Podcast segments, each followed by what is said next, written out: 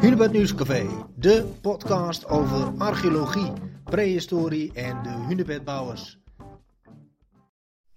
Vandaag spreek ik met Luc Amkreutz, conservator prehistorie bij het Rijksmuseum van Oudheden.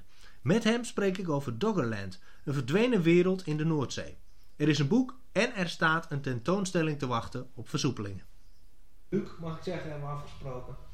Uh, Doggerland, er is veel over te doen. Eigenlijk is er nog helemaal niet uh, heel lang uh, bekend. nog geen 140 jaar ongeveer of zo, geloof ik. Ja, dat klopt. Het is natuurlijk, ja, men heeft altijd gedacht, de zee is zee en, en dat is een heel statisch gegeven. Maar dan was het wel zo dat in de 19e eeuw botten van nou ja, dieren die uitgestorven waren boven water kwamen. En, en ook aan de kusten, met name in Engeland, verdronken bossen. Mhm. Ja, dat, dat, dat deed bij sommige mensen wel een lichtje brand. Maar het wetenschappelijk klimaat was eigenlijk niet rijp daarvoor om, om daar iets mee te kunnen. Dus dat is pas eigenlijk vanaf Darwin en, en Lyell dat, dat er een soort ja, besef van de ouderdom van, uh, van de mens en de aarde opkwam. Mhm. En het is dan in 1913 eigenlijk Clement Reed geweest, die een eerste boekje geschreven heeft over die verdronken bossen. En ja, toen, toen, toen daagde eigenlijk van, goh, hier ligt gewoon een verdronken landschap. En dat land heeft, heeft doorgelopen en, en is ook bewoond geweest. Dus ja, in die zin is dat inderdaad niet, niet heel erg oud. Nee. nee. Um, nou, misschien even voor de mensen die, die, die toch uh, Doggerland uh, ja, wat minder op, de, op de korrel hebben. wat, wat maakt het gebied nu zo bijzonder? Nou, Doggerland is eigenlijk, ja, het is een fictieve naam. Hè? Het is mhm. genoemd naar 1998 eigenlijk pas vernoemd naar de Doggersbank, een van de hogere ruggen in, in dat gebied. Mm Maar het staat eigenlijk, eigenlijk synoniem voor het verdronken Noordzeegebied. Eigenlijk tussen het kanaal en de, en de Scandinavische kusten. Dus je moet je voorstellen dat uh, voor het grootste deel van de afgelopen miljoen jaar uh, dat gebied droog lag. En dat eigenlijk de huidige situatie, waarin we lekker aan het strand liggen, een uitzonderingssituatie is. Mhm. En uh, um, ja, het gaat dus om een enorm gebied, afhankelijk van welk moment je daar naar kijkt, van zo'n 200 tot 300.000 vierkante kilometer. Uh, en dat ligt dus eigenlijk ja, tussen, tussen Engeland, Nederland, België, uh, Denemarken in. En het, het, moet ook in al die tijden een enorm rijk gebied zijn geweest. Zowel in de periode van de ijstijden, als eigenlijk als het definitief komt te verdrinken enkele duizenden jaren geleden. Ja, um, um, enkele duizenden jaren geleden zeg je, er, er zijn natuurlijk een, ja, een hoop vondsten uh, gedaan, in, in, in, in, met name de laatste decennia. Um, als je uh, nu, ja, eigenlijk kun je twee grote tijdvakken wel, wel, onderscheiden. Hè? Dus we moeten eerst heel ver terug, tot, tot bijna een miljoen jaar, geloof ik zelfs. Ehm, eh, dan hebben we het natuurlijk over echte, ja, voor moderne mensen, om het zo maar te zeggen. Ehm, alleen dan daarna, aan ja, weer een, een einde van een ijstijd um, zien we eigenlijk voor het eerst een moderne mens, zoals we die nu kennen, op dat terrein actief. Ja, dat, dat, dat, dat, dat klopt. Um, dus ja, ik heb net eigenlijk eh, een paar van de laatste vondsten in de vitrine gelegd. Dat was onder meer een, een afdruk van uh, eigenlijk een van de eerste voetstappen in Europa. Die bij Haysbro aan de Engelse oostkust gevonden zijn. En die mogelijk 950.000 jaar oud zijn, bijna een miljoen jaar oud. Het zijn hele vroege mensachtige, Homo erectus-achtige mensachtige, waarschijnlijk de Homo antecessor, waarvan alleen maar fossielen in Spanje gevonden zijn. Dus die is heel vroeg al deze kant opkomen. Uh, maar hij heeft geen stand gehouden en eigenlijk het grootste deel van het verhaal is, is uh, bewoning door Neandertalers. Uh, ten tijde van de, de, de afgelopen ijstijden en tussenijstijden. Ja. En het eindigt eigenlijk met, de met de verdwenen mens in, in, de laatste ijstijd, die, die dan ook.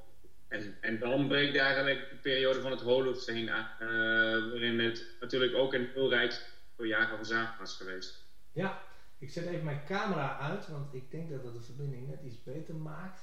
Dus dan zie je mij niet meer. Maar, um, uh, nou, je zei de, de, de, de, moderne mens komt eigenlijk pas op het laatste stukje uh, ten tonele.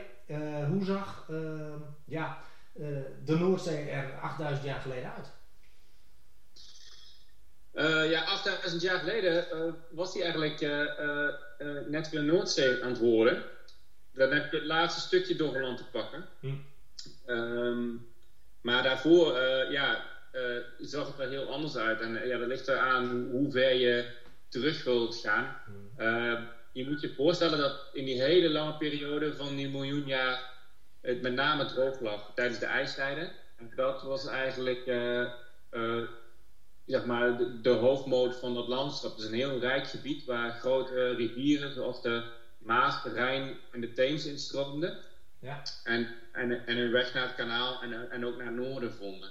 Uh, een heel rijk gebied waar dus mammoeten uh, rondliepen, rendieren, paarden en zo paarden Neandertalen dus uh, opjaagden. En, en op een gegeven moment ook de, de moderne mens. Ja. in de warmere periode um, kon de zee terugkomen en heeft bijvoorbeeld tijdens het EMR tot bij Amersfoort gestaan. Oké. Okay. Maar bijvoorbeeld ook interessant is dat er tijdens twee ijstijden, mm -hmm. het Chromerien en het, en het Elsterien, uh, de ijskappen van Scandinavië en, en, en, Engeland elkaar raakten. Waardoor de rivieren niet konden afstromen. Er kortstondig een gigantisch ijsmeer ontstond. Okay. Uh, op de plek in Nederland. En dat met kracht door de van het kanaal is gebroken. En uh, ja, dat is dan uh, wat bijna onvoorstelbaar is, maar dat heeft dus ook plaatsgevonden. Ja. En um, dan heb je eigenlijk aan het eind van de laatste ijstijd die enorme vlakte weer droog liggen. Het wordt in de, in de jonge drieërs ook nog één keer heel erg koud. Ja. En dan breng je het Holocene aan en spotten die ijskappen steeds meer. Mm -hmm. Is het eigenlijk heel snel binnen een jaar of 4.000, 5.000 dus dan verdrinkt overland uh, in een enorm tempo. Mm. Je, uh, je, moet je voorstellen dat mensen dat uh, op het niveau van generaties in ieder geval hebben zien veranderen. Dus het was een heel dynamisch landschap. Ja, dus eigenlijk um, is het 8000 jaar geleden is het laatste stukje. Uh, wordt de mens eigenlijk steeds verder teruggedrongen eigenlijk door, door het water. Zou je het zo ja. kunnen zeggen? Ja, dat klopt. Het, het, het stijgt, hmm. maar op een gegeven moment heb je ook dat aan de andere kant van de oceaan uh, een ijsmuur doorbreekt waardoor uh, een enorm gigantisch ijsmeer in de Hudson bijstroomt rond uh, mm 6300 voor Christus. Waardoor die zeespiegelstijging hier ook een stuk sneller gaat. Ja. En daarbovenop komt nog een keer uh, 6150 voor Christus tsunami die voor de kust van Noorwegen ontstaat. En daarnaast is het eigenlijk vrij snel afgelopen met, uh, met de laatste resten van, van Holland. Ja. Die, die, verdwijnen rond 5800 voor Christus onder de, onder de zee onder de zeespiegel. Ja, mooi. Um, ja, wat natuurlijk uh, uh, een, een, voordeel en een nadeel tegelijk is, denk ik, is um, de mate van conservatie. Um, eigenlijk onder water is, is een hoop goed bewaard gebleven, en je kunt er slecht bij. Ja, ja dat, is, dat is precies ja, wat je aangeeft, is eigenlijk precies de, de worsteling die er ook heel lang voor gezorgd heeft dat er eigenlijk weinig mee gedaan werd.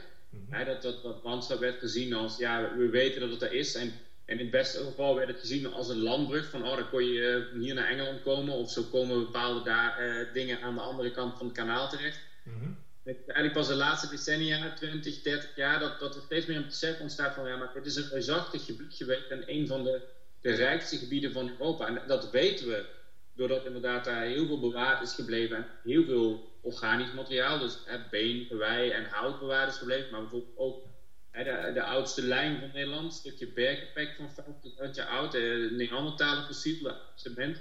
Ja. Dus eh, tegelijkertijd die rijk, maar aan de andere kant, ja, de manier waarop we het weten is omdat het gevist, opgezogen en op, op de stranden gespoten wordt. En dat is natuurlijk niet meer in primaire context.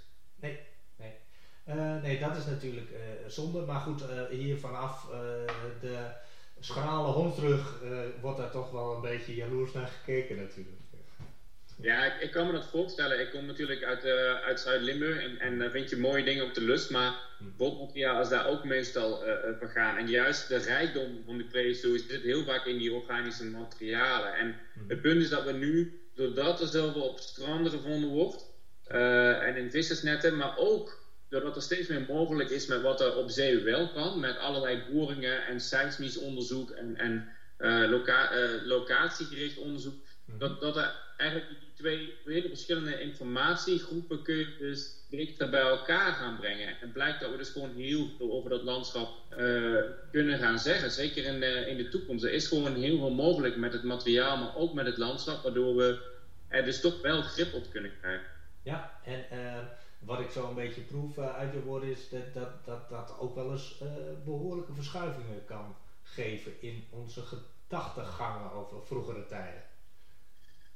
Ja, het is natuurlijk, ik denk de belangrijkste verschuiving is dat het heel erg zou kunnen bevestigen van dat het in prehistorisch Europa uh, voor het Neolithicum een van de allerbelangrijkste vestigingsgebieden is geweest. Mhm. Maar doordat we daar dus ook veel organisch materiaal vinden, kunnen we dadelijk ook misschien wel heel veel zeggen over de mensen die daar leefden. Er wordt bijvoorbeeld heel veel Mesolithisch potmateriaal gevonden, uh, wat zo goed bewaard is dat je daar isotopen onderzoekt, maar bijvoorbeeld ook DNA-onderzoek naar kan doen. En een recent onderzoek aan de Universiteit Leiden hè, naar, naar uh, pijlpunten, die getande, getande benen en, en gewijsspitsen, toonde bijvoorbeeld aan dat, uh, dat die niet alleen maar van of van andere dieren gemaakt zijn, maar dat er ook twee gemaakt waren van, van mensen bijvoorbeeld. Ja. En, en toen zie je dat juist doordat panische categoriebewaarders gebleven, dat je, dat je hele andere inzichten gaat krijgen in de samenleving.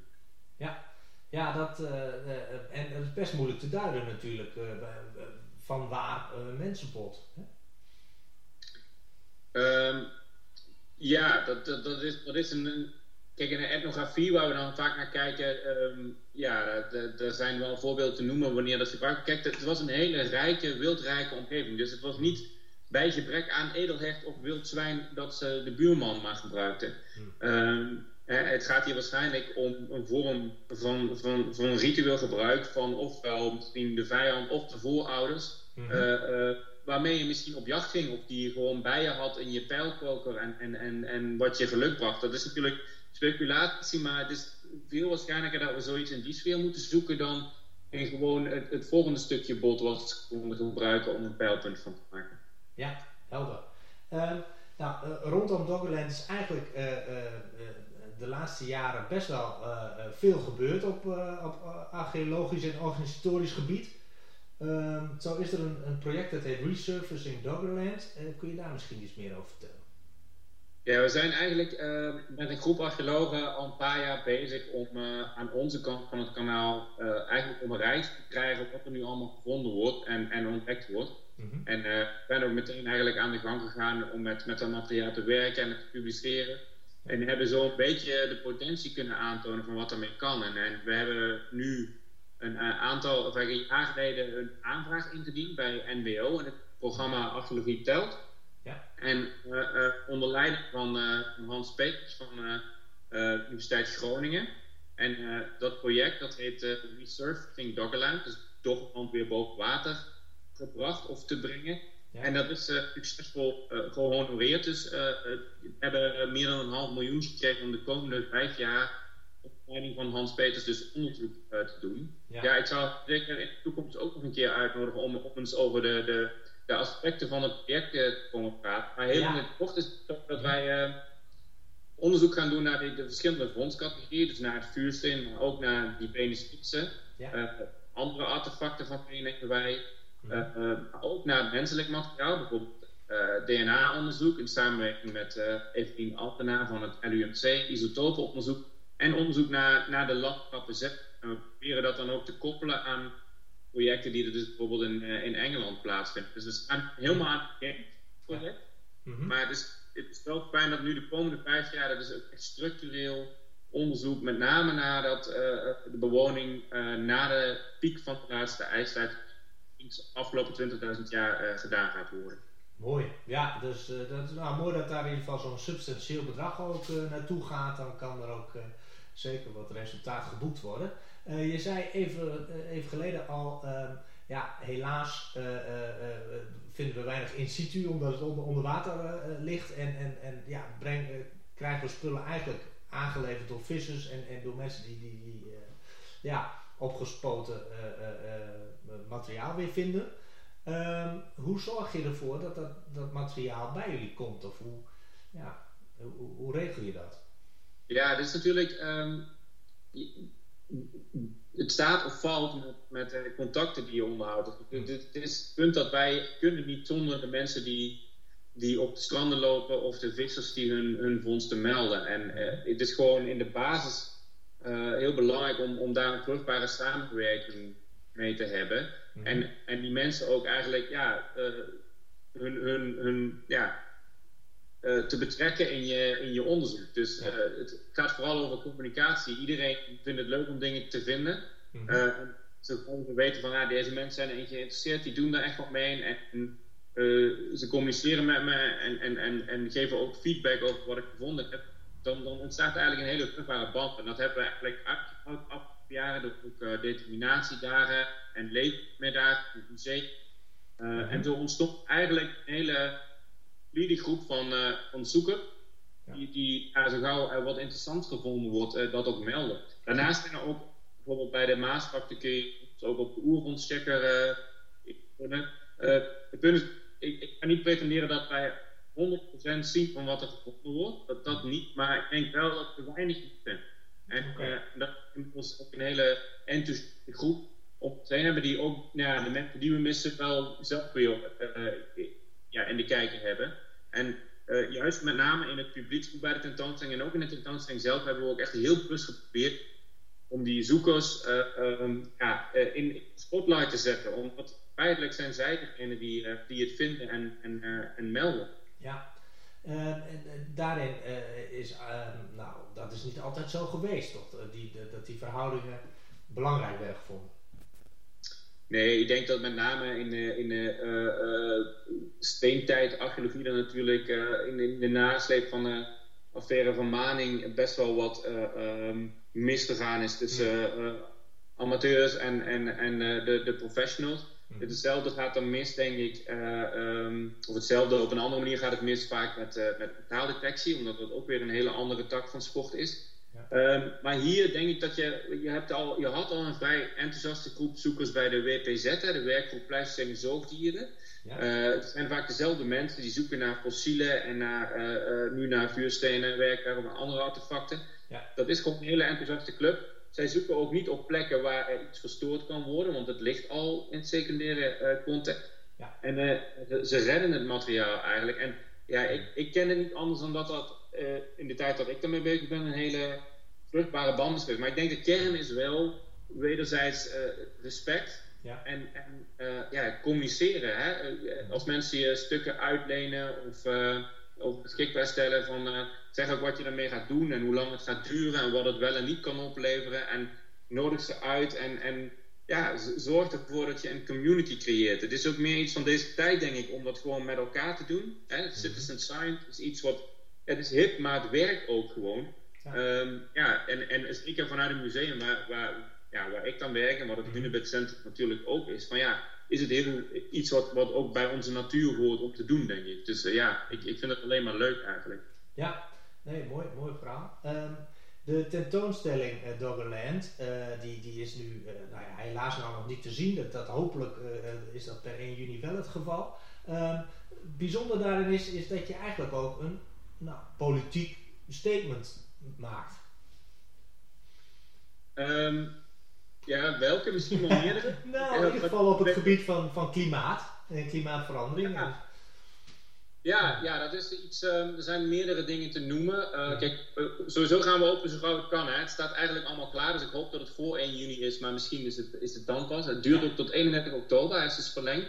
Mooi. Maar ehm, ja, we, we, hebben dus zeker wat klimaat betreft wel een duidelijke uh, keuze die we maken. We laten mensen zien dat er in die miljoen jaar heel veel gebeurd is mm -hmm. in, in, uh, in, in het landschap en in het klimaat. En ik denk dat dat de allerbelangrijkste boodschap is.